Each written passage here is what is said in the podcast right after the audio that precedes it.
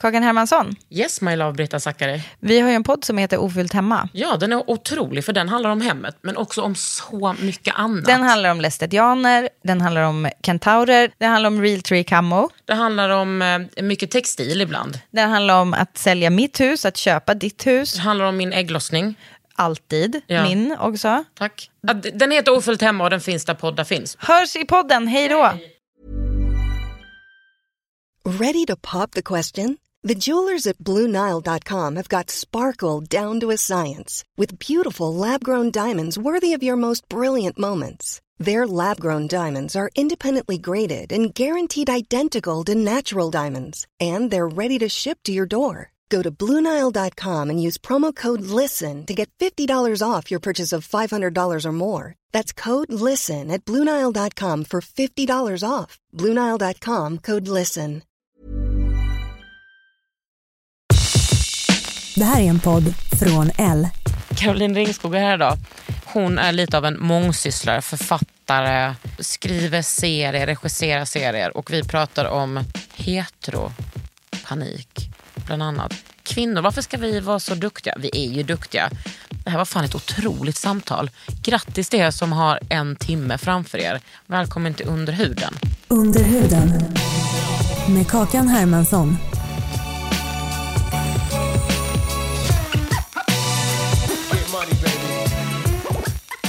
Men alltså jag kan säga så här. Jag välkomnar att du ska ställa frågor till mig. Okej, Det kan jag, det kan jag säga direkt. okej, bra. Det var underbart. För det här är ändå typ mitt 200 avsnitt och jag, Men pratar, lay back, relax. och det- jag pratar aldrig om mig själv och ingenting handlar någonsin om mig. Skoja, det gör det ju jämt. Men jag tycker det är lite, du vet, så här, när man är hos en massör så är jag så, men hur är det med dina axlar? Jo men typ att man tar så det kvinnliga ansvaret. Jag gör alltid det. Klara. Därför är det helt meningslöst för mig att gå till massage. Men ja, Är det sant? Här, läget då? De, de bara, du ska ligga ner i hålet. Ja. Eller hur? Jag tycker det är så waste of time att, inte, att vara tyst typ en timme. Men jag vill alltid veta saker om dem också. Jag med. Men de, ja, det är inte alltid så här. De känner inte likadant. Nej, och de kanske inte just tog jobbet som massör för att få dela med sig av sitt eh, privatliv. Am I right? Right. Åh gud, okej nu ska jag, eh, jag ska samla mina tankar Gör lite. det. Jag, ty- jag är tyst. Nej det behöver du inte vara Caroline. När kom naturen? 2009. Wow! Mm, tack. Då var du 29. Mm, det var jag. Nyligen fyllda, precis. Hur sjukt att liksom komma ut med en roman när man är 29. Ja, det är rätt sjukt, men jag känner mig så gammal. Eh, Känner du dig typ yngre nu? nej, äldre. Ja, Det, alltså det kan man förstå, men jag menar förhållandevis. nej, men jag kände för att, eh, bara för att jag kommer från en familj där liksom man är jättedålig om man inte typ, debuterar som 20-åring eller disputerar som 26-åring och så. Eh, så. Ja, det var lite slarvigt av dig. Att bara, att bara göra det som eh, 29. Men också faktiskt, just 29 är ju så. Alltså, när man kollar tillbaks i backspegeln, nu är jag ju 39 och du är ju 40 va? Att man så här, att man trodde liksom att 30 var Ja, det, nej men typ att 30 var kanske det som var ändstationen. Nej men snälla, sätt. 30 är ingenting. Alltså jag, jag längtar tillbaka. Alltså 30 Gör var, det? Ja, utseendemässigt. Är det sant? Mm. Jag är helt eh, tvärtom. Jag blir bara snyggare och snyggare för varje dag. Mm, verkligen, ditt hår är helt underbart till exempel. Okej, det är intressant. Jag vaknar, du vet låg, typ, jag har en, dels har jag en liten lugg här framme som Mm. eh, en hårstylist råkade klippa av när jag stylades häromsistens. Så att jag har som en sån, bara en liten tofs här framme. Men, Och sen så resten är liksom så fett, men jag har ju så mycket produkter i nu. ja, ja, Om du men, undrar vad det är som doftar så är det helt enkelt en, en eh, sån, eh, eh, vad heter det, torr, torrschampo. ja, okej. I färgen brun. Gud vad underbart. För att jag var så rädd att du skulle reta mig för hur jag luktade. Mhm. För jag luktar, jag luktar eld. Åh, Ja, men jag luktar brasa. goals, varför det? För att jag var på Skansen igår för att jag är världens bästa mamma. Ja. Så jag var på Skansen faktiskt och grillade korv. Eh, Det var, jag, alltså, nej, men jag vill inte säga det därför. Det, det luktar illa tycker jag. Jag tycker inte det luktar jag gott. älskar det. Ah, Okej, ja, vad bra. Jag tycker Nej. det är så mysigt. Men Känns luktar, nu har jag ju typ eh, bara fått tillbaks 50% kanske. Åh nej. Av min doft. Åh nej, stackars dig. Ja, eh, vilket också känns lite tråkigt för att jag, ta det lugnt nu Kakan, anser mig själv att vara något av en näsa. Men du, jag är en näsa. Ja, Och för mig eh, är det, um, det är curse and the blessing. Det vet du säkert om. Att man kan liksom inte existera i vissa rum. Eller, Nej. eh, ja, sådär. Ja, nej, men, eh, jag förstår det. Men också att du vet en sak om kvinnor. Alltså på Findus så har de sån här jättes, alltså Findus fabrik, det är så här frysmat. För de som kollar smaken på det är medelålders kvinnor som aldrig rökt. För de har eh, liksom dokumenterat bäst lukt och smaksinne. Mycket bättre typ än unga och gamla och män har liksom mycket, mycket sämre. ja, men, Och well. det är därför du sitter här. Säg något om jag vet det på, typ muskelmassa. Ja. Ja, det var det. Var det. eh, ja, precis. Och jag sitter här nu men jag tycker att... Men det är jag- ditt jobb, jag förstår inte värsta Jag krisen. vet. Det, det är fruktansvärt att inte kunna, Mm. men också typ så veckorna efter jag blev frisk från corona. Att jag bara du vet, var typ så, wow, det är helt sjukt. Jag har inte duschat på hur länge som helst, jag har inte använt det och jag luktar inte svett. Hanna bara, yes you do. Alltså luktar röva. Fy, nog om mig och eh, och Därna. Ja. Mm. Du var 29 och släppte naturen. Var befann du dig liksom i ditt liv då? Ja, vad fan ska man säga? Jag har varit på glid rätt så mycket och det var jag då också. Jag bodde i Paris och eh, försökte komma över typ att mitt livskärlek hade dumpat mig och typ såna grejer. Eh, men ändå så var jag väldigt mycket i Malmö så att jag, ja om det är det du menar, helt, helt så här. Ja men var du befann dig liksom i för state of mind? Ja, men då hade jag då var jag i och för sig så här inför en vuxendom. Typ antingen så fortsätter jag glida runt och utan pengar. Och, eh, du vet, jag hade bara hoppat av olika utbildningar, jag hade absolut inget jobb. eh, Liksom, jag hade verkligen inga pengar. Eh, Och jag märkte typ att människor runt omkring mig kanske typ så här kikar på ett landställe. Ja, vilken ångest. Ja men det var väldigt svårt. Hade dina kompisar barn? eh, ja, de började, det började poppa liksom. Och då jag- kanske folk tänker sig, ja för du är ju från Malmö men du är inte från Malmö. Nej, det, alltså, jag bodde i Malmö svinlänge men jag är från eh, Stockholm och sen så eh, Simrishamn, så här, Mm. liten stad på, i Skåne. Hela alltså, skol, formativa åren gick jag där. Nej men, eh, nej, men då sökte jag DI och, och kom in på DI. Eh, Mm. Och då såg jag som typ en biljett eh, att eh, levla upp i livet. Liksom, kanske någon gång få ett riktigt jobb och sådär. Och då, alltså du, tv-produktion. Ja, Men också Caroline, alltså, ja. Get, lay it on me. nej men, alltså när du... Alltså man måste ju också säga typ att du har ju ändå varit något av lite av en it-girl. Ja, men alltså, gud, tack. Ja, men jag, var, jag var kanske it-girl innan det här då, eller? Ja men jag tänker att du var typ så, dåligt smink. Ja. På, alltså, om, om, man jäm, om man jämför typ Mm. samtidens instagram hype med typ dåtidens skunkpersoner. Mm. Då var ju du i alla fall en skunkperson. Verkligen. Jag fick så här, det var så jag fick mitt bokkontrakt. Och typ, Ja precis. det var där, och Sigge Eklund pratade om mig typ i P1. Och Du vet, så här, jag var en typ en sån kulturyttring. Eh, det var väldigt märkligt minns jag. Men ja, ja, absolut, jag var det. Men jag jobbade också med mode.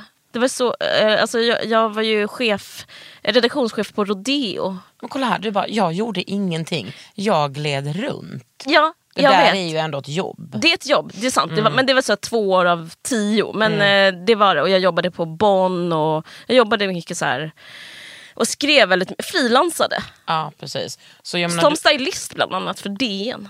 hoppsan. Ja. Alltså jobben, du tjänar ju ändå lite pengar. Ja. sen så jag menar, du kommer ju inte från, du är ingen underklass. Nej, jag, är- jag är medelklass. Precis, så det kanske, någon kanske stoppar till pengar när det behövdes. Nej, absolut inte. Inte? Nej, jag hade, näst, jag hade i stort sett ingen kontakt med mina föräldrar under den här tiden. Stort. Ja. Av din, eh, var det ditt beslut eller? Eh, nej, inte riktigt. Det är riktigt sorgligt. Ja. Ja. Det kommer i en bok en, en annan gång. ja. Fan föräldrar alltså.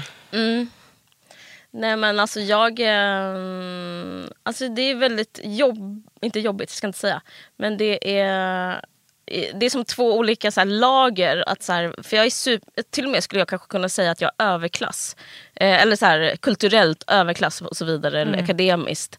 Men... Eh, men jag fick kanske inte så mycket jobb. Eller man kan, jag minns att jag jobbade för Bonn, så fick, skrev jag typ en artikel för 5000 Och så fick jag liksom det och så tog det typ en hel höst att göra det. Alltså typ så. Mm. så att det var, ja. Men jag jobbade också som eh, sushikock och städerska och typ sånt där. Men det var, Wow. det var hemskt, jag blev sexuellt trakasserad. På, som städerska eller... Sushikock. Ja. Men säg ett jobb som man inte blev... sex- Ja, i och för sig, På L har jag aldrig blivit det som tur är. Eh, Nog om mig. Men du, och då, alltså dåligt smink var, hette du på... Skunk. Ja, det minns jag. Jag minns det för att Victoria var så eh, imponerad. Mm. Det är så härligt att, med de minnena. Och när hon presenterade dig för mig, jag bara... Men vadå, ni ser ju exakt likadana ut. Mm. Ja, ja, det är inte kul för er som lyssnar som inte vet vem Victoria är. Men de är typ ändå rätt lika. Men du fick bokkontrakt. Mm. Visste du då att, att du hade naturen inom dig? Ja. Jag hade redan skickat, eh, skickat in eh, mitt första bokmanus när jag var 17. Jag blev refuserad typ tre gånger innan den kom ut. Så, ja. Var det naturen? Nej, det var en diktsamling. och sen så skickade jag andra grejer, men eh, jag fick så väldigt vänliga brev. Men sen så hörde ett förlag av sig till mig eh, efter de läste Skunk. Så, ja. så då var jag... Men jag använde liksom den, det var ju som en blogg. Jag använde det, det som eh, typ att skriva liksom ett pågående bokprojekt. Alltså det var, jag fick jättemycket ovänner och så för att jag liksom fiktionaliserade människor som, i min närhet och de bara varför har du sagt typ att min flickvän är typ en skata? Typ? Eller liksom, eh, ja. Så det, Men det var liksom bara, jag bara, ett, det är ett, fiktion! det bara, var ett, bara ett uttryck för dig? mm, Eller ett eh, grepp? mm, Ja, men det, ja, nu kanske det inte skulle vara så stor grej. nej. nej, nu är det liksom Pratar man väl typ om ett så internetspråk eller ett narrativ? Ja. Jag vet inte riktigt förresten. Samtidigt så skulle det vara helt... Alltså, Jag skulle nog inte skriva det idag heller. Nej men det skulle vara galnare idag om man, man som bloggare faktiskt eh, bara hittade på grejer. För Ja, nu är man precis. också så himla ivrig på sanningen. Alltså på skvaller liksom. Ja, nej, det var inte som de här vanliga, nej det var inte som en vanlig blogg. Det var liksom mer som historier. Jag berättade Mm. som, som typ en skröna. Istället för, jag vet fan. Caroline Ringskog, nationalskald. tänk, tänk som att jag var typ Bellman. Ja. Men jag minns när jag läste Naturen och Mm. på ett sätt vill jag aldrig läsa om den för att jag minns det som typ en av de bästa böckerna jag läst någonsin. Jag var så Tack. drabbad. Tack. Jag tror att jag kanske var i USA när jag läste den. Och så gav jag vidare den till min svenska kompis där. Vad roligt. Ja men den är också, den är ju, alltså, språket är otroligt men den är också så jävla jobbig.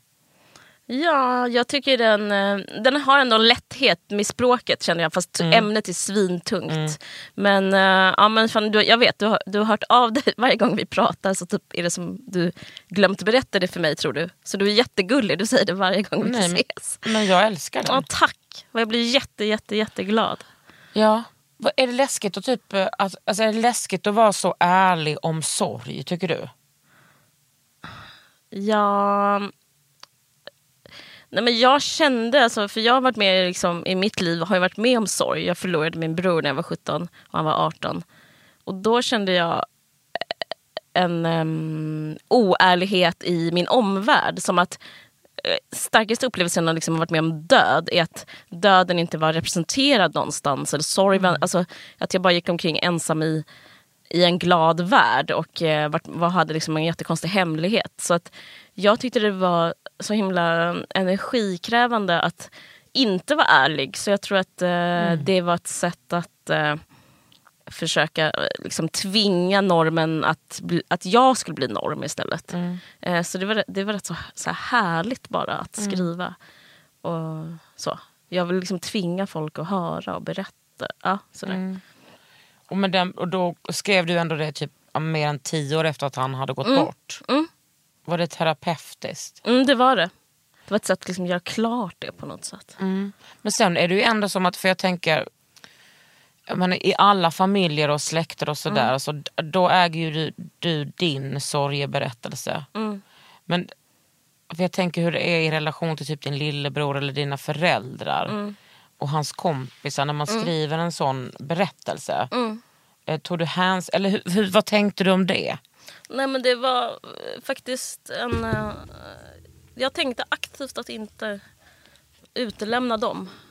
Så den handlar väldigt mycket om en tjej i världen på något sätt. En så ung kvinna som åker typ till New York och Paris och eh, äcklas av sin omgivning och typ har äckliga relationer. Så förstår man det typ rätt långt in att det handlar om det är hennes reaktion på ett trauma. Men nej, de, de är ju perifera de där andra, alltså i familjen och så. Så ja, men jag ville liksom inte utelämna för mycket. Jag skrev lite så faktagrejer som stämmer med verkligheten. Typ att min pappa åkte till Skottland och hämtade sin son, sin döda son. Typ sådär. För det är så... Jag vet inte. Men det, det behöver inte jag värdera för att det ska... Det får ändå en betydelse. Eller så det är starkt i sig, bara faktan. Ja men jag tänker att bara att skriva en bok i sig. Mm. Ja, att ans- göra anspråk på det. Ja verkligen. Du menar typ vad den som... Ja, nu jag kan berätta för alla hur det är. Lite, eller så. Ja fast ja, det är ändå tydligt att det är din historia. Men Mm, att det ändå är så här. Om du skriver en bok om din brors död då kan ju inte dina övriga familjemedlemmar värja sig. Nej. Fast alltså, det är ingen anklagelse utan jag tycker att det är, jag tror- eh, så, så är ju livet. Ja, men det är väl liksom nästan så bland o, alltså, olika villkor. Alltså det, är, det är orättvist på ett sätt. Alltså. Men eh, det är ja, verkligen som du säger, så, så, är livet. Och jag ska inte säga vilken, men liksom, vissa av mina familjemedlemmar var väldigt orolig för hur typ omvärlden, eller så här, hur pressen och media skulle ta det. Ehm, för att den är liksom den håller på mycket med så här, tema äckel väldigt mycket och eh, svaghet. Så, men sen så fick den väldigt bra recensioner och det är så här också lite, så lite om min familj. Då blev alla väldigt lugna. ja, jag vet, det är sjukt. Gud vad, vad gör den där pressen med en? Mm, nej, men jag vet inte. Det är hemskt. Men jag, jag lyckas glömma bort det varje gång jag, ska, jag typ har gjort något. Så jag, men det här, alltså jag tänker inte på recensioner förrän typ veckan innan eller två veckor innan. Nej men jag menar alltså, om, Ja. om den pressen som du beskriver Mm. är ju ändå så måste du vara närvarande i, typ, i så många beslut du tar. Nej, det är inte det. Nej. Har du verkligen, vet du verkligen att det är så Caroline? Ja men för att, för att jag em, har gett mig det som typ lite present. För, att, för jag, så fort den, jag vet vad, exakt vad du pratar om. Om den kommer in i ett så skapande skede. Ja. Men det vet väl du som, du gör helt unika eh, konstverk, krukor. Men de, men sluta, de är inte normativa. Särskilt inte när du börjar. Nu har jag jättemånga härmats. Ja. Men liksom, Tack för att du säger nej det! sluta. Alla vet. Men man blir utbränd. Ja, men man blir lite miniutbränd. Ja. Ja, men, men men, ja. men tänk dig då att du liksom skulle hålla då en sån Uppsala Ekeby i din famn eller vad det heter. Ja. Och vara så här. Eh, nej okej, jag gör visst fel. Alltså, du, kan inte, Ja. du kan inte värdera när du skapar. För Nej, då, jag fattar då gör exakt. du ingenting. Men jag tror att också att den normen är mycket, mycket starkare än vad man tror. Alltså, Ja. Jag har också press eh, hemifrån mitt hem. Ja. Men det är mer som ett sånt, ehm, vad ska jag säga, typ intellektuellt. Alltså Ja. inte typ så. Vi trodde att du skulle bli läkare. God knows att de inte trodde det. Men däremot kom jag från ett hem Ja. där eh, det har funnits en sån självklarhet i att jag och min syster kan bli läkare. Eller Ja, vi kan bli allting. Men nu klarade inte jag matte B på tre gånger så jag är inte ens där och nosar. Nej. Men jag tror liksom att men så, oavsett vad jag gör så har mina föräldrar typ ändå så här reasonable vad ska man säga, krav på mig. Ja. Att jag ska vara en tänkande människa och typ vara... Har de det fortfarande?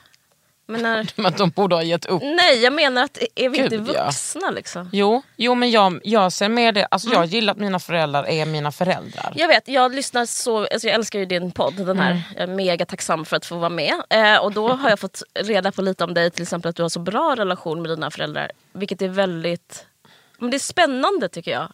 Ja det är det. Men det är också någonting som har kommit och gått. Och Mm. Det är ju liksom, alltså precis som vilka relationer som helst, att man får jobba på det. liksom. Mm. Eh, Man kommer ju in i så nya faser.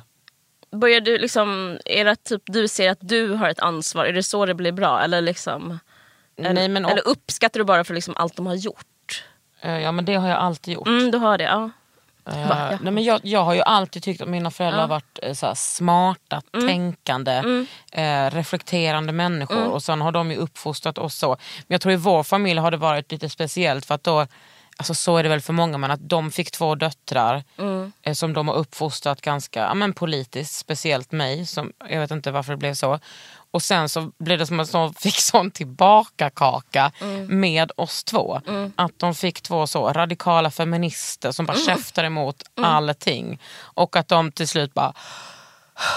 Alltså, kanske mest pappa, att han bara... Jag hopp, jag får inte säga någonting, jag är man. Nej, det, detta stämmer. Mm, och det är ditt eget fel. Det är ditt eget fel. Nej men att... Eh, Men det kan ju också bara vara typ, alltså det låter, ju- om, de vill, om de hade typ någon slags projekt med er så låter det också som att de var extremt engagerade och liksom närvarande som Alltså det behöver inte, alltså man skiter i det politiska. Mm. Att ens bry sig om vad ens barn tänker tycker jag är eh, bra uppfostran. Alltså det, kanske, det, är också bara, Mm. det låter väldigt kärleksfullt att vara så här. Har du hört om den här tanken eller har du läst Ja, men jag boken?" tror inte att det var liksom deras projekt. Nej. Att vi skulle, att, utan det var bara att eh, det politiska genomsyrade allt. Alltså jag Ja. tror bara typ som jag lever idag. Mm. Fast eh, det är liksom ändå lite upphöjt till tio med mig. Att jag tror att de, det var så, du vet var och varannan mening var så här, åh, det är så jävla typiskt medelklass. Du vet det var liksom sånt och helt plötsligt så befann då jag mig i medelklassen. Alltså du vet det är trevliga och spännande broar som möts. Mm, verkligen. Det- Ja, men det där känner jag igen mig Så var det i min familj också. Det, ja, det, mm. Men just det, din pappa är politisk flykting va? Mm. Var det mycket tjat om det hemma? Tjat? Samtal menar jag. Gud så. Trevligt. trevligt. nej men respektfullt. Välkommen hit. nej, nej, jag men ska- jag, nej men ja det var det. Det är väldigt så här, känslosamt och liksom, det var tårar och det var, Mm. men det är ju han, sen doktorerade han i PTSD om eh, politiska flyktingar. Eh, hur krig påverkar Wow. dem och hur det liksom deras självmordsfrekvens är. Och det, det är liksom också... Han säger ju inte det men han, jag tolkar det som berättelsen om honom själv. Liksom. Och, alltså han... Nej, men han har tvingats fly från sin familj och sitt land så, och suttit fängslad se, sex gånger. Ja, och varit i suttit i koncentrationsläger och allt sånt där. Så det är, nej men det är väldigt svårt då. Att, jag skulle aldrig så kom, kunna så här, eh, typ så här, lufta. Pinochet hade väl något. Alltså, så, skulle, så det var ju på ett visst sätt liksom hela tiden. Ja. Pinners.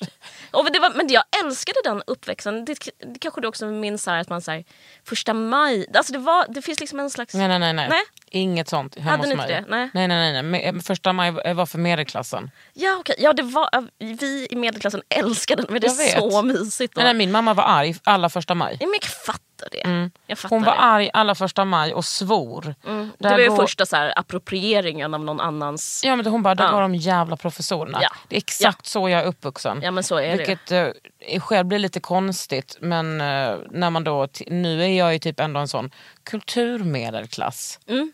Eh, så då har man ju fått sina eh, Men det var det, varma. men det, jo men det var inte, är inte det själva, nu blir det här en annan podd, men är inte det själva kampen går ut på att få liksom eh, röra sig, re, alltså social mobilitet alltså Jo. mellan klasserna. Så att jo precis, det är ju bara lycka. medelklassen som eh, föraktar eh, klassresa. Ja, ja men det jag menar. Och det- vet du vad, det är exakt den här, det Ja. detta, den här podden kan handla om ibland också. Ja, ja. Men eh, vilket ämne doktorerade din pappa i? Det är eh, han, det som, eh, det som Anders Tegnell är, jag kan inte säga det ordet, epidemiologi. Aha, så det är ändå Och, en fler- och filosofi och psykologi. Så det är tre stycken. Men ja, men jag, det, det är pinsamt att sitta... Wow vad coolt. Mm. Gud, jag ska inte prata så mycket om honom. Men han är... Man har, det har ändrats mycket i Sverige, typ hur attityderna är mot folk som ser så utländska ut. och så. Mm. Det var ju väldigt så här varmt på 90-talet. Då. Lite, lite så här Palme... Svallvågorna av Palme typ. Ja men lite varmare. Det var ändå så här, en, Jag klippan och skit och sånt där. Men nu är det Precis. så att alla är rasister. Mm. Ja, men så han har basically emigrerat igen så han bor inte kvar i Sverige. Aha. Slutat prata svenska och sånt där. Ja. Pratar du spanska? Nej, gjorde det när jag var liten. Åh, vad störigt. Ja, men det, det, det är mycket... Min mamma tyckte det var jobb, skulle liksom bli jobbigt för oss att gå mer i skolan. Så vi gick på hemspråk men så blev uttagen ur den. Men jag, min mamma tyckte också det var jobbigt för oss att behöva skölja flår. Alltså vi gjorde liksom, allt var så här. Jag var den enda i hela klassen som inte sköljde flår. Oj, också ett, att, att det är ett sånt uh, uttryck, skölja flår. Ja men du vet vad jag menar väl? ja, ja, ja, ja. Ja. Jag minns ett trauma från min förskola, dagis. Det var att vi hade sköljt flår med flårtanten ja, som hon hette. Absolut. Ja. Och så var det så här, du får inte äta någonting nu. Man, nu får inte ni äta någonting på en timme. Vilket inte var, alltså det fanns ju ingen mat att äta. Det första jag gjorde var typ att gå ut utanför dörren, såg en jättestor snöhög som jag satte tänderna i. De bara, du får inte äta någonting. Jag bara, nej just det. Alltså riktigt dampbarn. Kunde liksom inte ens låta bli att typ tugga på någon bit snö. Ja, men, ja, men det, är bara, det är jobbigt. Jag tror det var det auktoritära. Alltså, så har jag vet, Mm. väldigt mycket. Så här, om det är en auktoritet så ska den ner. Eh, även första dagen i skolan så hade jag med mig en godispåse. Fuck things up. Typ så. Wow. För man, man har ju lite svårt att få ihop bilden av dig. Ja, jag vet. Du, jag med. Alltså vad heter det? Dit, eller liksom jag, jag Same. Same heter det, kan ta svar Nej, men det på är ju ändå Min bild av mig själv är helt fruktansvärd. Alltså jag, jag får inte ihop det. Nej. Men det, det där tyckte jag var väldigt intressant med godispåsen. Det säger typ allt. Men det var ju min mamma som skickade med mig en godispåse. Det är ju helt stört. Men jag har, ja det är helt stört ja. ja. Vadå för att hon skulle typ så... Eh, första dagen ska du visa, men det är fan inte någon jävla eh, lärarkår som bestämmer över dig gumman.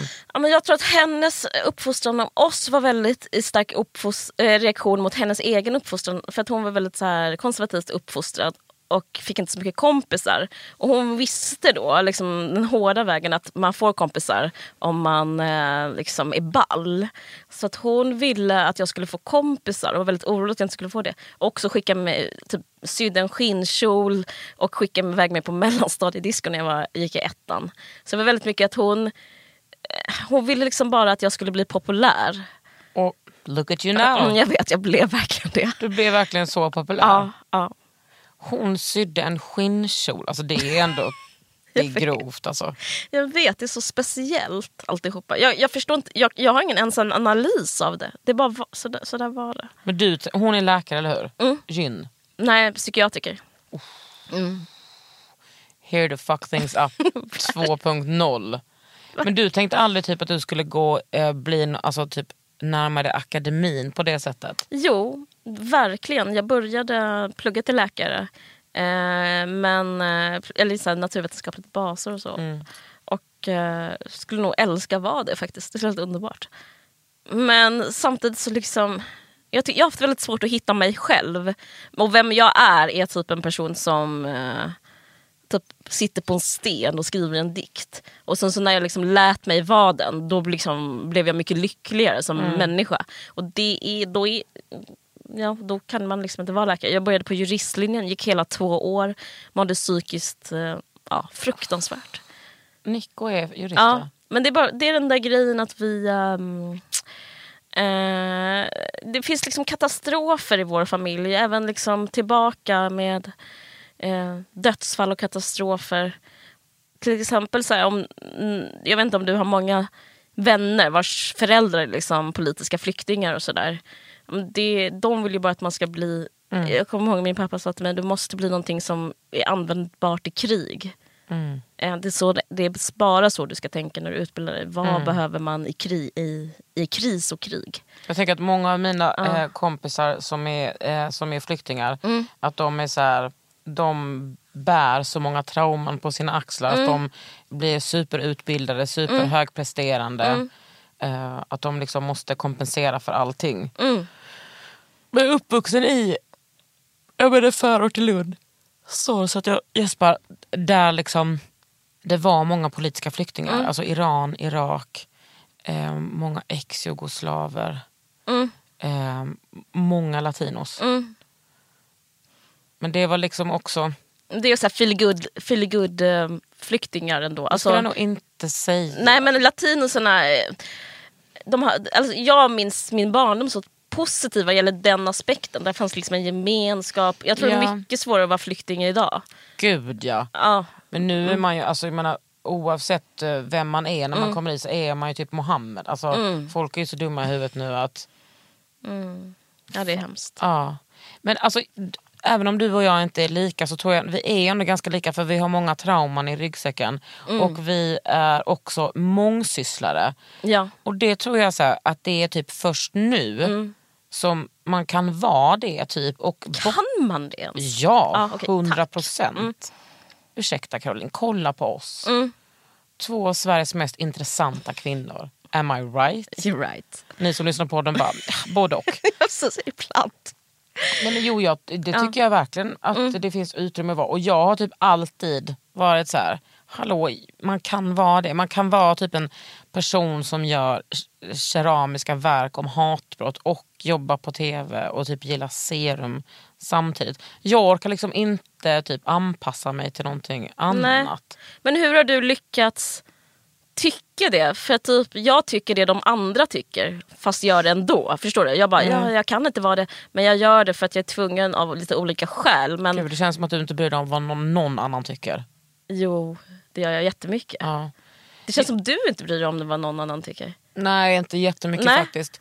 Jag tror att, eh, eh, eller det har jag ju gjort men eh, alltså det är nog för att det är mer så här, jag passar att göra ol- massa Mm. olika saker. Men varför är det så nu? Och varför är det, alltså, fattar du vad jag menar när jag säger typ att det, det är mer hög status att göra typ så här en sak? Och, Ja men det beror på också Ja. vad status är. Alltså är det status att vara eh, en influencer som Bianca Ingrosso? Alltså ve- för vem är status? Eller är det status att liksom vara bara en författare som sitter på en sten? ja, i kulturvärlden är det ju det. Ja precis, alltså, i kulturvärlden så är jag ju skit för när det Ja. kommer till att jag är influencer. Ja, men jag tror du är skit och jag tror jag är liksom lite mer än skit men ändå liksom skit.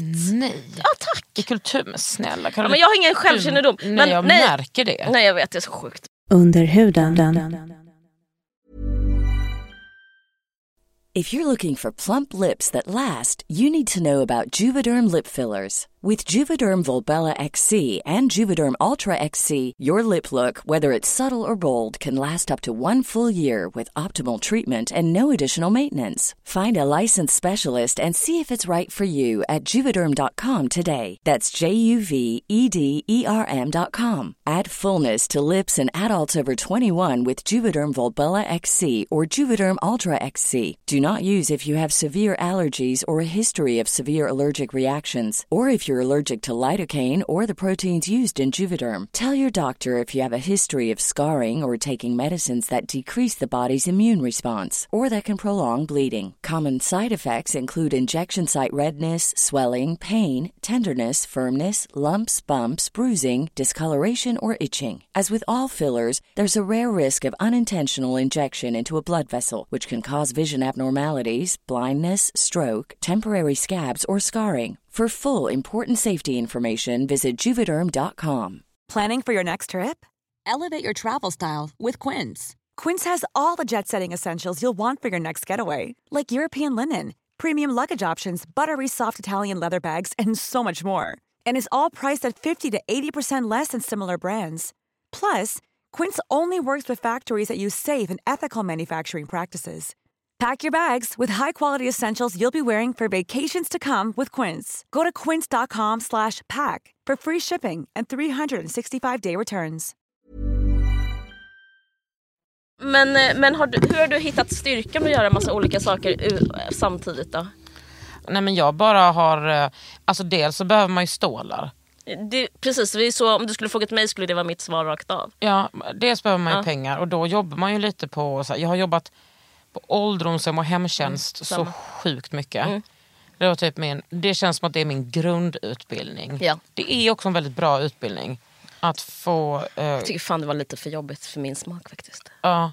Men ja, fortsätt. Men jag är också uppfostrad att man inte får klaga på nej, någonting. nej just det, okej okej. Eh, så, nej, men jag tyckte att det var bra. Också Mm. gött att typ hänga med gamla och typ så bara vara så nerpissad och nerbajsad och, och bara veta att så här, det här jobbar folk med varje dag och varje natt. Mm. Medan du typ försöker marknadsföra ett serum så då ska du bara vara tyst. Mm. Eh, det bär jag med mig. Eh, ja, men jag tror att men, men, jag tror att det, har en, det är en bra kombination av att jag har ADHD och vill göra saker som jag tycker är kul och typ inte riktigt pallar göra saker som jag tycker är tråkiga. I kombination med att mina föräldrar gav mig mycket trygghet i mig själv. I kombination med att jag var så himla mobbad när jag var liten. Okej. Alltså hela den typ blandningen blev den jag är. Att, alltså bara så, motstånd, pepp, motstånd, pepp. Och också Typ att grunden är ändå att du liksom har en trygghet. Ja precis. Och vad den, den största tryggheten är ju också att jag eh, eh, är feminist. Tror jag. Alltså, att, Mm, att- alltså, nu är, kallar ju sig alla feminister men du vet när vi var unga Mm. och var feminister typ och var så 17 och Mm. hittade en annan tjej som var feminist. Ja, det var otroligt. Ja det är ju liksom en sån enorm sorts Mm. självförtroendeinjektion. Att all den analysen du har av världen som alla säger är fel, vet du vad, den är rätt. Mm. Och det tror jag, jag har ju typ också levt så separatistiskt bara med andra Det är så bra för självförtroendet. Ja, det är goals. Jag minns när jag träffade Liv första gången. Mm. Och hon, hon, var den, hon var min första feminist. Mm. Och då var det så här, så du menar att vi inte måste sitta här i den här replokalen och höra på när det här bandet spelar och vi själva inte får säga ett ord? Menar du att du och jag kan gå iväg nu och, Ha ett samtal. ja, och precis, och typ bara göra något helt annat och inte Mm. typ så här vara i relation till dem som typ ligger med oss och sen så inte ringer oss. Eh, så allting var så sexistiskt. Så, och då, och träffa någon som var feminist. Ja, det är verkligen så life changing. Det är jag- verkligen så self-care att vara feminist. Att vara på det vi, I alla fall när man var så liten som jag var. Ja, men också ett selfcare att ha feministiska kompisar Ja. som man kan prata om. Alltså jag menar, vad pratar andra om? Jag vet. Trenchcoats från Burberry. Det gör vi också gumman. Det gör vi faktiskt. Men jag tror också att det finns en liten tårtbit där eh, som många har som jag har eh, undvikit och det är ju killar. Jag, var ju aldrig, jag var, hade aldrig en sexuell liksom, erfarenhet av killar när jag var ung. Men hur, hur funkar det, alltså, var det innan du var feminist och inte hade det, hur, vad gjorde det med ditt självförtroende? För jag tänker att normen var ju så jävla tjatig med det där. Alltså, Nej, jag, bara, alltså jag, fick, jag fick inte ihop eh, den Nej. där grejen med killar. Nej. Well, konstigt. Nej, men jag, för, jag förstod inte... what's the fuss? Liksom. Jag förstod, alltså jag, förstod Fan, alltså jag var typ kär i olika killar och sen så var det som Ja. att när mina kompisar, ja, men du vet, jag hånglade ju sen när man gick Ja. i femman. Sen när de började typ kanske mer ha, men kanske lite så petting. Ja, Och, du vet, och att de började ha sex och då var det som att jag bara försökte ha så fantasier om det och det bara dunk. Alltså det blev bara som en sån stor sten i huvudet. Att jag kunde liksom inte fatta Nej. hur jag skulle ta mig an Vilken jävla gåva då på 90-talet. Att- Ja, alltså, det, Eller? alltså jo precis slutet av 90-talet. Ja. Nej men fram till dess så tyckte, alltså, jag tror jag, alltså heterosexualiteten är ju typ fabricerad och jag fabricerade den för mig Mm. också. Som alla andra gör oavsett sexualitet tror Mm, jag. absolut. Ja. Eh, men, eh, nej men jag... Eh, Jag tycker det verkar så skönt i, i efterhand att inte behöva vara, vara så torsk. Eh, men jag var torsk men Ja. du vet, jag tänker att så här, det vanligaste sexuella övergreppet är ju typ med en, ens pojkvän. Ja. Och det har jag typ, det har jag hoppat över. ja, fan vad skönt. Sen har jag ju massa dåliga erfarenheter av killar eh, för att man kan ju inte röra sig i ett rum utan att bli antastad. Nej. Men jag har inga liksom, såna grova trauman. Nej. Och det tror jag är liksom, alltså det är typ en pusselbit som jag inte ofta tänker på. Men jag tänkte på den nu och den är ändå stor. Liksom. Ja, jag förstår det. För jag har liksom eh, en motsatt spegling. Alltså jag skulle ändå säga att typ, det är ett av mina trauman att typ ha haft pojkvänner. Ja, nej men det, Och särskilt jag som inte hade någon inre trygghet eller någon trygghet hemifrån Mm. så var det som att jag ville att de skulle bli en familj väldigt snabbt. Och jag blev extremt beroende av Mm. ja, dem. och då kompromissar man med typ allting. Ja, verkligen. Också typ när, att komma från en familj där det är väldigt så här... eh, min mamma, eh, jag minns när jag ville göra slut med min pojkvän, hon bara nej, nej, nej. Alltså hon är väldigt så här, älskade män väldigt mycket. eh, på ett sätt liksom mer, typ så här, det var viktigare än allt. Att vara ihop med någon är det vikt, alltså, ja. Och sen slog han mig, och, men då hade jag redan bestämt mig för jag hade läst en bok som var så här, man ska, göra, man ska gå efter första slaget. Och då gjorde jag kanske slut efter tredje slaget. Men det var ändå så här, jag vet inte, att hamna så långt med någon. Mm. Eh, så långt liksom, eh, jag, jag vill inte komma ut som en överlevare eller liksom ta någon annans trauma. Jag har inte varit med om något så jobbigt. Men det Men det är här... också så jävla typiskt tjejer. Okej, förlåt. Äg Ja. den Ja, okej, men det här hände i alla fall. Och Bara då, att jag skäller ut dig. nej, nej, men jag bara menar, det är ett sätt, jag, apropå att ha trauman Mm. från heterosexualitet så, så har jag verkligen haft det också. Och Ehm, det är så jävla normaliserat. Ja, det är det. Att, nej, liksom, jag vet inte Mm. hur många kompisar som berättar om när de förlorar oskulden. Man bara, det där var ju en våldtäkt. Det var tjatsex eller våldtäkt. Ja, verkligen. Alltså, tjatsex trodde jag liksom, eh, det var verkligen eh, förvred synen på mig med metoo. Att det inte var sex. Alltså typ så här, vadå? Så att tjatsex är inte, ingår inte i det där paraplyet. Nej, Jag trodde det var att ha sex, men absolut. Vi... precis. Och jag tror att det är så här, just med metoo, att det är så jävla traumatiserande för så många Ja. eh, kvinnor, ja säkert eh, några män också, Mm. och andra personer. Att det blir så... Alltså det är inte som att bara, och sen kom metoo. Alltså det är typ, sen kom metoo. Ups. Mm. Och då var folk tvungna att liksom ta igen sig lite. Verkligen. Ja. Eh, Jag tog igen mig lite igår. Mhm. eh, Med två avsnitt av eh, amningsrummet. Jag kände att det var någonting nytt. Vad roligt. Ja, alltså jag längtar tills... eh, Du måste se tredje avsnittet också, för det, jag tänkte att du, det skulle passa dig, för det, då är de på Dramaten och, och där är liksom det patriarkala avsnittet. Det är bara massa män som är sig själva. Men all, all, alltså inte alla avsnitt, det patriarkala avsnittet. Jo, fast det här är extremt. Men absolut. Ja, nej men det är, det är så kul att du har gjort det här. Att du har, liksom, har du skrivit manus också? Och regisserar? Alltså grattis. Tack! Ja, vad roligt att du såg det. Jag tror också, så känner jag så mycket att så här, kvinnor kommer älska den här serien. Och de andra bryr jag mig inte om. Jag tror också det. Vad snygg han är, den där dansken. Att du tycker det? Ja, han är rätt så snygg. Ja, precis. Men också ska jag säga en sak. Liv Mjönes. Ja, hon är otrolig. Alltså hon är så otrolig skådis. Jag vågar typ inte bjuda hit henne. Du måste det. Jag vet, jag vet att jag måste men alltså, jag har beundrat henne så många år.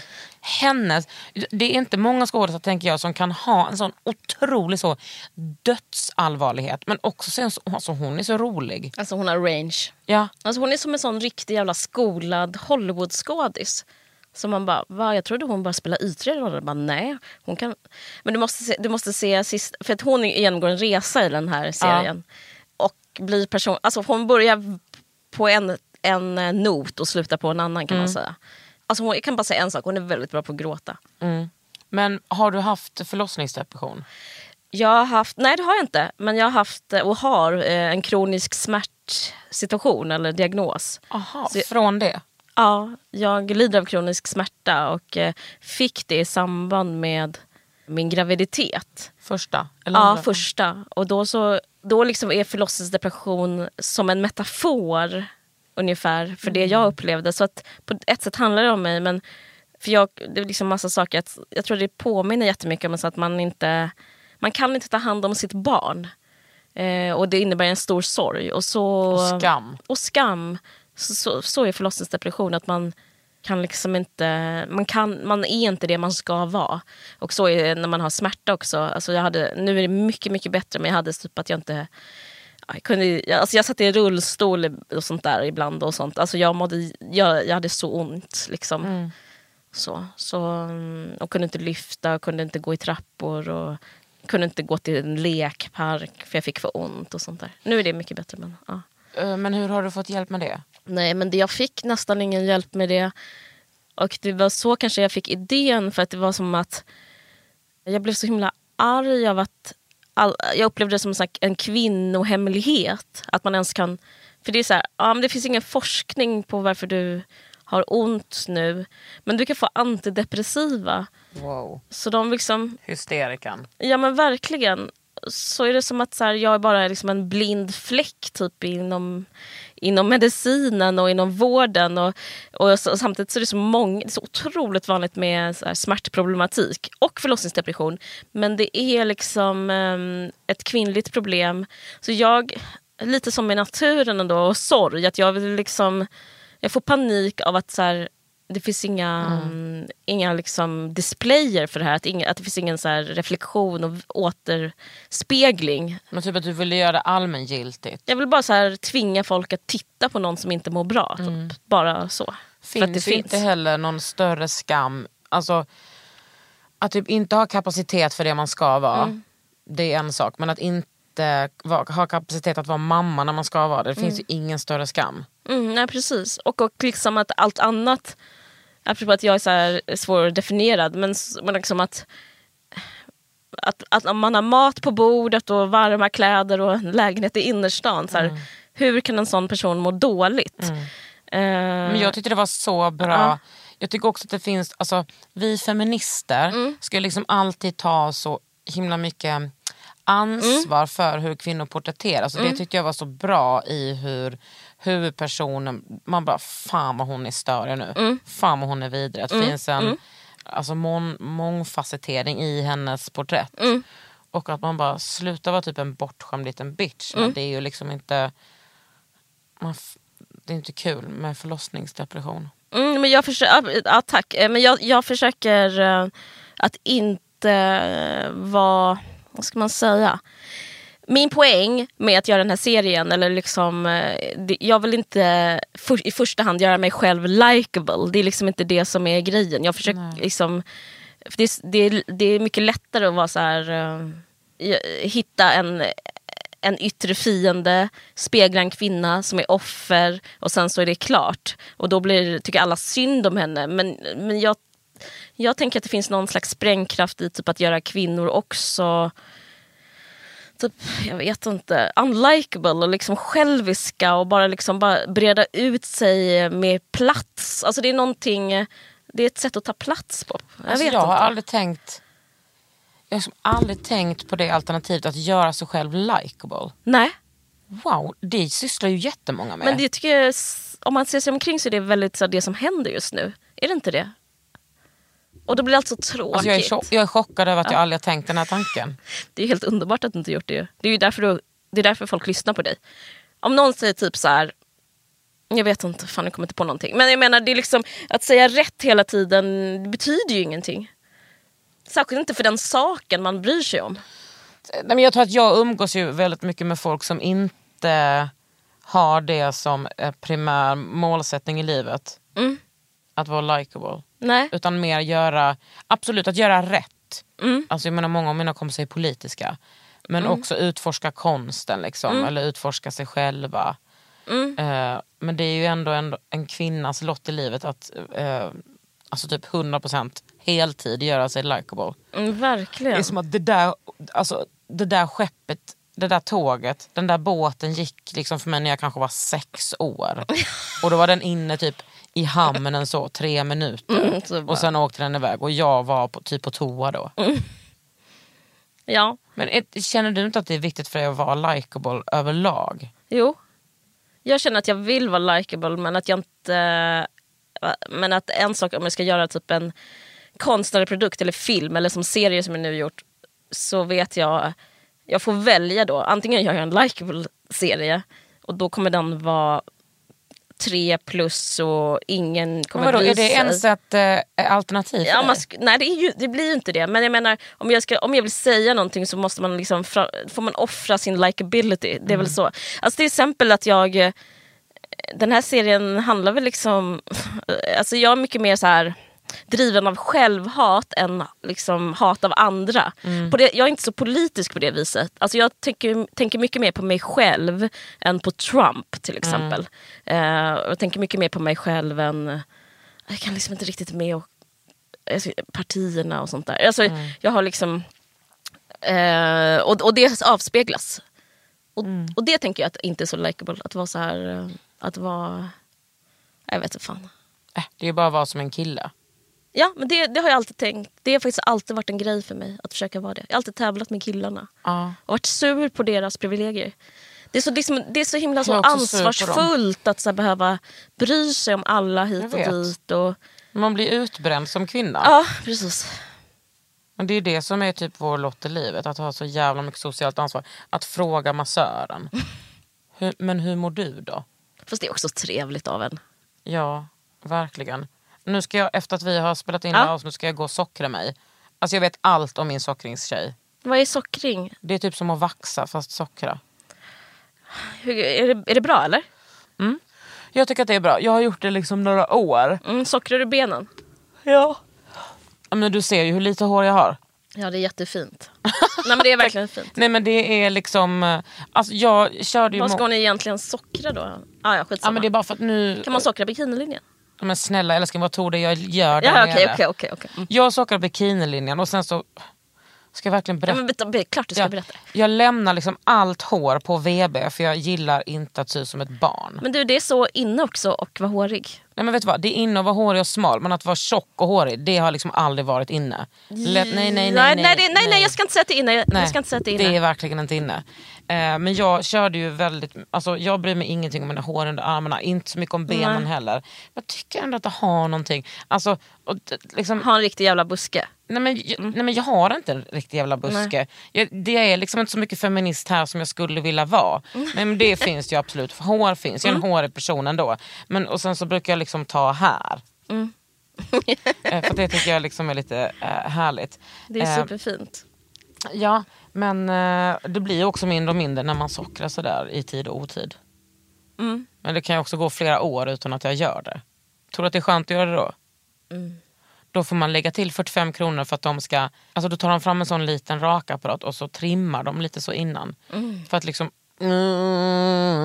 ta bort första... Alltså, Ja, ja, liksom, eh, Ja. Så de kan liksom börja... fy fan. Nej men det är...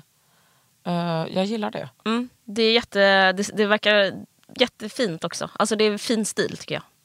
Tack. Alltså det är typ som en omvänd uh, mohikan uh, tänkte jag säga men det är det ju inte alls det. Usch vad äckligt. Nog om mitt kön. Hallå, håller du på? Jag har inte läst Rich Boy, hur sjukt är det? För jag var ju ditt största fan. Men när- du, Rich Boy är bara för... ehm, jag älskar att du inte läst den. Den var bara för att jag skulle bevisa att jag kunde skriva en episk roman i tre delar. Well and so you could. Verkligen. Eh, den var inte, låg mig inte så nära hjärtat. Men det är, förlåt alla tusentals personer som har skrivit och att de har förändrat deras liv. Eh, det, är sant, de har gjort det. Förlåt alla tusentals fans. Nej men jag är ju en profession, det är ju ett väldigt stort hantverk, Rich Boy. Men naturen var ju från mitt hjärta till ditt hjärta. Så att, och nu kommer nästa och den är... ehm, Hur kan du skriva så mycket och göra så mycket? eh, men du, jag skriver inte så mycket. Jag skriver två timmar om dagen typ. Aha. Sen, Okej, berätta om den här då. den är... Den handlar rätt så mycket om typ... eh, Det är typ en undersökning i smärta och den handlar, det är jag-form och den är mycket mer typ som naturen är. Typ en fucked up person som typ eh, filosoferar. Alltså, det är du helt Ja, enkelt. verkligen. Ja, Gud vad kul. ja den, den är jätterolig och jätteextrem. Känns det läskigt? Nej det känns inte läskigt för jag litar så mycket på hantverket, och, eller så här, konstverket. Att jag, jag har nu valt att tro på att det existerar något som heter skapa. Då får jag liksom stå för det. Men du har väl också Det är ingen dagbok. en, Liksom. en, du har väl också en själv, det som självförtroende? Ja det har jag verkligen. Mm. verkligen. Det, det, det är där det ligger, ingen annanstans. Men ja, där, när jag Du är liksom författare. Ja, men, ja. Men tack! Det är inte, du, jag vågar inte kalla mig det. Jag blir så chockad när jag säger kreti och pleti kallas det. Ja, men det är så himla fint att vara det. Liksom. Gud, jag, skulle, jag har gett ut en bok och skulle... och nu också författare. Nej alltså ta ett... Jag är absolut, man är inte författare för att man har liksom råkat skriva en bok som jag har gjort. Men så känner jag också. Men jag, tror, jag tycker, när, när, när du säger det så tycker jag, nej men sluta. Fast du är ju författare. Ja, jag vet, jag du vet. är en riktig författare. Ja okej tack. Det är Som, sätter dig på så, på homoflora och skriver. så är det. Am I right? You're right. You're not right. Men eh, har du inte bytt café nu när du har flyttat? jo, Mm, vad skönt. När ska den komma? i vår. Och sen ska Den är riktigt flippig. Riktigt flippig. Men du, skulle du vilja typ att Rich Boy blev film? Ja. Eh, Serie typ? ja alltså jag skulle gärna lämna bort den till någon annan. Jag vill inte göra Ja, den. du är klar med den? Ja verkligen. Ja. Eh, men eh, jag, jag, jag skulle inte hata att det är kul att rulla in. Om du förstår vad jag menar. Jag om någon förstår. För Ja. Man hatar inte när kulorna rullar in. Nej, nej. Fan vad skönt. Ja. Du då? Vill du skriva mer? Jag började skriva för typ tre år sedan. Ja. Alltså det var också det jag hade i åtanke när jag, prat, när jag frågade dig om att skriva om gemensamma trauman. Mm. För då sk- skriver jag liksom om ett sånt ett Mm. trauma i min släkt. Eh, och eh, Du får göra det. Du Ja. Jo men vänta, så här är det. Du kan inte värdera dig förrän du är klar. Alltså då kommer det inte Nej, bli, precis. bli någonting. Du får skriva. Du måste säga det till dig själv. Ja, men eh, då så, nu, det handlar om min moster och min moster dog i somras och hon var Ja. liksom min, ja, men min person skulle jag ändå säga Ja. i livet på något sätt. Och på ett sätt så känner jag att jag måste typ göra det Mm. för att det var så, alltså att jag är skyldig alla inblandade det. Så kände jag också när jag skrev. Eh, och sen så vet jag inte, ja, jag kanske inte är rätt person att, att skriva den boken men Ja men det blir, en- det, det kanske blir, jag ändå liksom, jag och Tone åkte för typ så tre och ett halvt år sedan till Gotland. När hon skulle börja skriva det som är dagarna, dagarna, dagarna. Mm, gud vad underbart. Eh, och då så skrev jag på denna, men den handlar liksom om så mycket om incest och det är liksom inte bara att skriva om utan det är, allt, det är så jobbigt. Men Men det, är där, det, det, det, det är ju det enda man ska skriva om. incest. Nej men jag menar det är... Allt annat i livet förstår man ju. Jag tycker liksom Jag att läsa handlar så mycket om att försöka förstå livet som man, det man inte förstår i livet. Mm. Alltså, jag, eh, alltså fattar du vad jag menar? Ja, men jag, jag, Det är jag har aldrig det- det får- värjt mig för ja. det jobbiga. Nej. Jag, tvärtom, jag är väldigt intresserad av det Mm. jobbiga. Och det är så som min konst har sett ut. Att det liksom, jag har bara pratat om hatbrott och kvinnomisshandel och, Mm. och liksom ätstörningar och övergrepp. Eh, men jag har nog verkligen... Ja, det typ finns en sån moralisk eller Mm. etisk kompass i mig som är liksom... Vem är du rädd för? eh, jag, är, jag är rädd för att gå över, eh, eh, trampa någon av mina eh, släktingar på tårna. Mm. Som jag är eh, liksom... Kan du inte prata med dem? Jo, vi gör det. Vi har pratat faktiskt om det bara för någon vecka sedan. Eh, men man kan inte... Man, alltså, det skulle vara bisarrt om jag så skulle få ett godkännande av alla. Och också så här, av alla de personerna som är drabbade av det här så är det jag som är den offentliga personen. Det är jag som, om jag skriver en bok Det är om your ass on the line. Mm. jag fattar. och their ass on my ass on the line. Typ.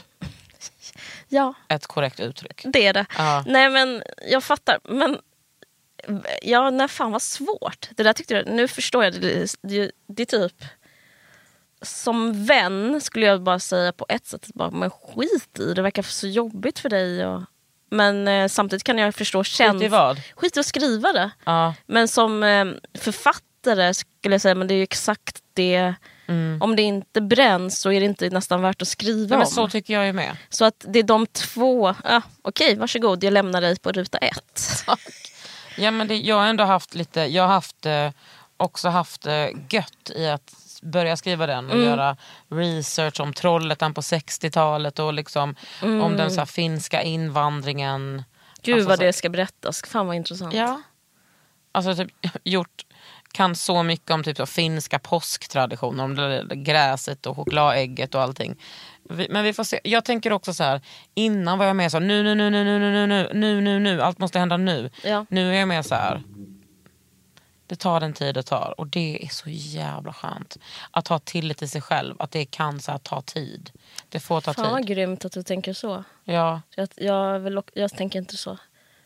Det är kanske är därför jag håller på så mycket, för att jag tror typ att jag har en vecka på mig att göra allt. Men, ja. Ja, jag, jag är ju också, låter ju förljugen. Jag menar, det är inte som att jag eh, ligger på soffan och chillar. Och typ, men Nej, just- du är ju hardest working woman in showbiz. Jag, Ja, det är kanske inte just någon, gång, någon gång borde du publicera ditt schema. Jag, jag, vi är många som inte fattar hur du får ihop det. Är du rik? Alltså, tjä- alltså får du in pengar på allt ditt jobb? Ja, absolut. Men inte så, nej, jag är Nej. Mm. inte så rik. Men jag köpte faktiskt ett par skor igår. Även om jag har köpstopp. Berätta, vad var det för några? Det här är så jävla typiskt Eller. Balenciaga? Det är inte Balenciaga, det är Prada. Det här är Ja, Balenciaga. ja, ja. Okej, jag tror det var de du köpte. Jättefina, jag älskar men- dem. Tack. Jag tänker på Tone varje gång jag sätter på mig de här. Har hon såna? Nej, men hon borde ha. Ja, verkligen. Nej men jag är, alltså om man jämför med hur jag växte upp. Där min mamma grät i slutet av varje månad Ja. för att vi inte hade några stålar. Eh, men ändå att jag spenderade alla mina somrar i en pytteliten lägenhet som var ungefär så här stor i Lysekil. Alltså jag är liksom... Jag tror att jag har, jag har en relation till pengar som är att jag bara, vad är det här? Alltså jag fattar typ inte pengar på ett sätt. Nej. Och sen så, jag har aldrig kunnat spara men nu har jag sparat. Fan vad glad jag blir. Tack. Jag också. Men jag tycker det är Ja. intressant att prata om pengar när man pratar om skapande. Alltså Mm. det är liksom, eh, och den här grejen, du, du sa ju det innan, eh, att, få, att om vi båda är ju mångsysslare. Mm. Att liksom, det är inte bara för att bara, ja men det, vi är så eh, tokiga personer. Det är Nej, inte därför. Stålarna ska in. Ja precis, precis. Men jag kan ju säga att jag menar, de, mesta, alltså de pengarna som jag tjänar Mm. grova pengar på är ju typ att göra reklam, göra samarbeten. Mm. Hur känns det då? Eh, ja, alltså, uh, ur en politisk kontext så känns det lite fittigt. Men eh, eh, eh, det känns också helt okej. Ja. Jag, tyckte alltså jag tycker också att det är så här. Alltså jag säger ju nej till ganska mycket och sen säger jag till det som jag tycker är soft. Mm. Och kul. Men ur en politisk kontext, så, alltså en annan politisk kontext, Precis. så undrar jag varför du av alla då ska ta ett ansvar för kapitalismen. Ja men så är det ju. Jag ska ju ta ansvar för... menar? Man bara, Men det är ju precis ja. som att eh, typ Ami och Fanna ska ta Ja. eh, ansvar för hela den antirasistiska kampen. Ja. Och få skit för När det går dåligt typ. Eller vadå? ja, när, när andra människor gör någonting. Så, alltså, så jag tänk, ja, men det är ju liksom min lott i livet. om, man, om man lägger ett raster av feminism på det. Mm. Jag menar inte typ att jag är för, ehm, vad ska man säga, det är inte som så här, det, det, feminism för mig när jag ser ett kvinnligt eh, företag börsnoteras. Det är inte det jag försöker säga. Mm. Men, men jag menar liksom, varför kan inte du bara liksom få lite chill? Kan, kan inte någon så här get, off the, get you off the hook? Så här? Nej men så kan man, så är det alltså, Ja. jag, alltså Folk älskar ju att jag är den dåliga feministen. Alltså vi, speciellt vissa personer har Ja. ju verkligen hakat upp sig på det. Men då tänker jag, ja ja. Ja, men jag bara Var undrar så här, om de som hatlyssnar på det här, om man, då kanske de kan fråga sig om det är verkligen du som är fienden. Precis. Det är en intressant fråga. Alltså- Jag är väldigt glad att du ställer den. Men jag är också så otroligt så självsäker i vad jag har gjort för, för, för andra kvinnor och hbtq-personer. Typ. Ja. Alltså, det finns så mycket kärlek som jag får av människor. Men, också, men jag bara menar lite som min serie handlar om, typ, ja, men låt, låt en jävla tjej vara lite dålig. Eller Ja. så här, till och med så här, ja det kanske var något dåligt. Ja, låt Mm. henne vara dålig då. Alltså, varför ska man bära något konstigt kors varenda dag? Nej, men jag tror också att här, vi, vi- söker liksom... Nu har, just nu Mm. är det också en sån kultur att man ska ifrågasätta, diskera exakt allting. Men om man ska vara...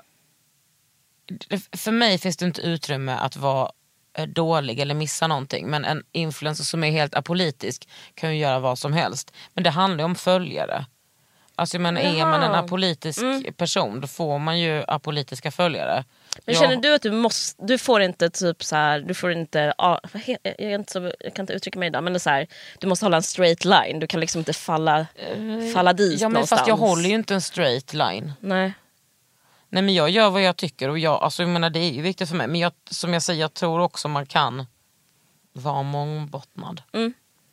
Jag tror det går att liksom göra reklam för hudvård och samtidigt verkligen, verkligen tycka att det är problematiskt med polisens övervåld. Ja men det är klart. Men det är intressant Nej, vet du vad varför det är? jag Jag tror, vet, vad jag, människor. vet du vad jag tror? Jag tror inte det är att de tycker att du är politisk fel. Utan jag tror att det är, alltså nu blir det här så invecklat, men jag tror att man gillar när det går dåligt för människor och sen så förklär man det liksom i en politisk så här, Mm. rubrik eller kamp. typ eh, För det finns liksom en sån avundsjuka och det finns en eh, missundsamhet. Och typ en, ett, en berättelse om dig är så här, fan det går så jävla bra för henne, allting är så underbart. Det, hon gör det och det och det och hon får det här och det här och hon är så här konferencier på Ellegalan nu också.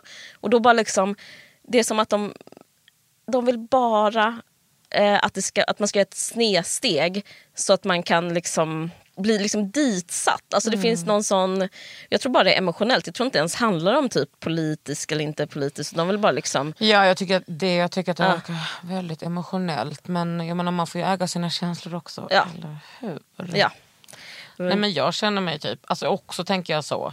När jag ser många typ unga personer som är så arga. Det Mm. är ju liksom grunden av politik på något sätt. Alltså Mm. jag har också varit så. Jag uppskattar det. Men jag tror också desto äldre jag blir desto mer alltså, eh, typ lugn och insikt känner jag. Det är så jävla skönt. Fan vad soft. Jag blir också mer politisk för varje dag som går. Mm. Och det är jag glad för. Caroline, Ja, är vi klara? ja, det var fantastiskt. Jättekul. Tack så mycket. Du ska ha tack. Du har lyssnat på Under huden med mig, Kakan Hermansson och Mig, Caroline Ringskog Fradonoli. Se min serie Amningsrummet som har premiär 31 oktober.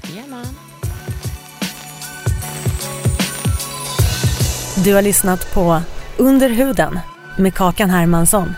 En podd från L.